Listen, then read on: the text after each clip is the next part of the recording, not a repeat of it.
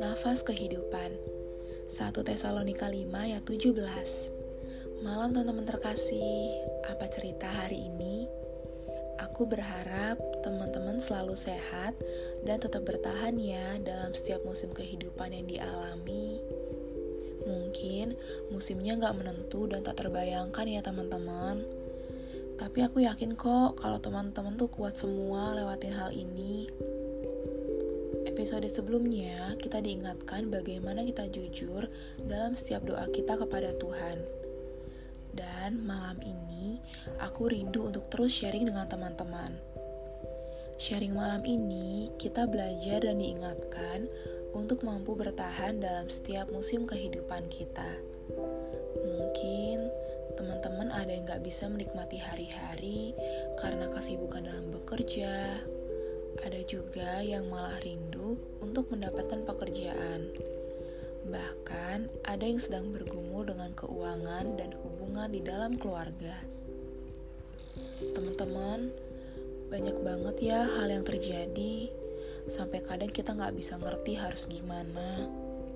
Tapi teman-teman, melalui doa kita bisa dikuatkan loh, serta dapat bertahan dalam iman kita pada Tuhan.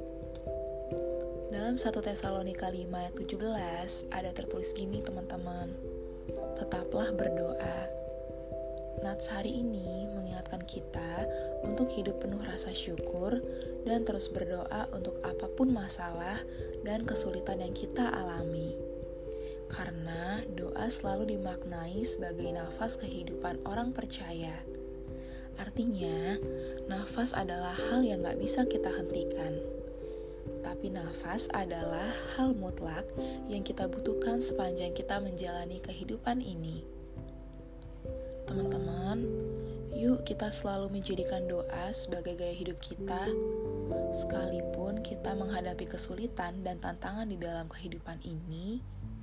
Pastikan kita mengandalkan Tuhan, memohon, dan meminta pertolongan serta kekuatan dari Tuhan, ya, teman-teman kita akan merasakan bagaimana kita terus bergantung dan menjalani hari-hari kita dengan penuh pengharapan.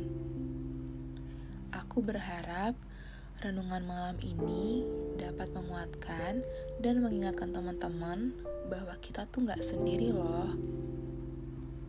Tuhan selalu di dekat teman-teman kok. Seperti lirik sebuah lagu, dia hanya sejauh doa. Selamat beristirahat ya teman-teman. Tuhan Yesus mengasihimu, Tuhan juga memberkatimu. Shalom teman-teman.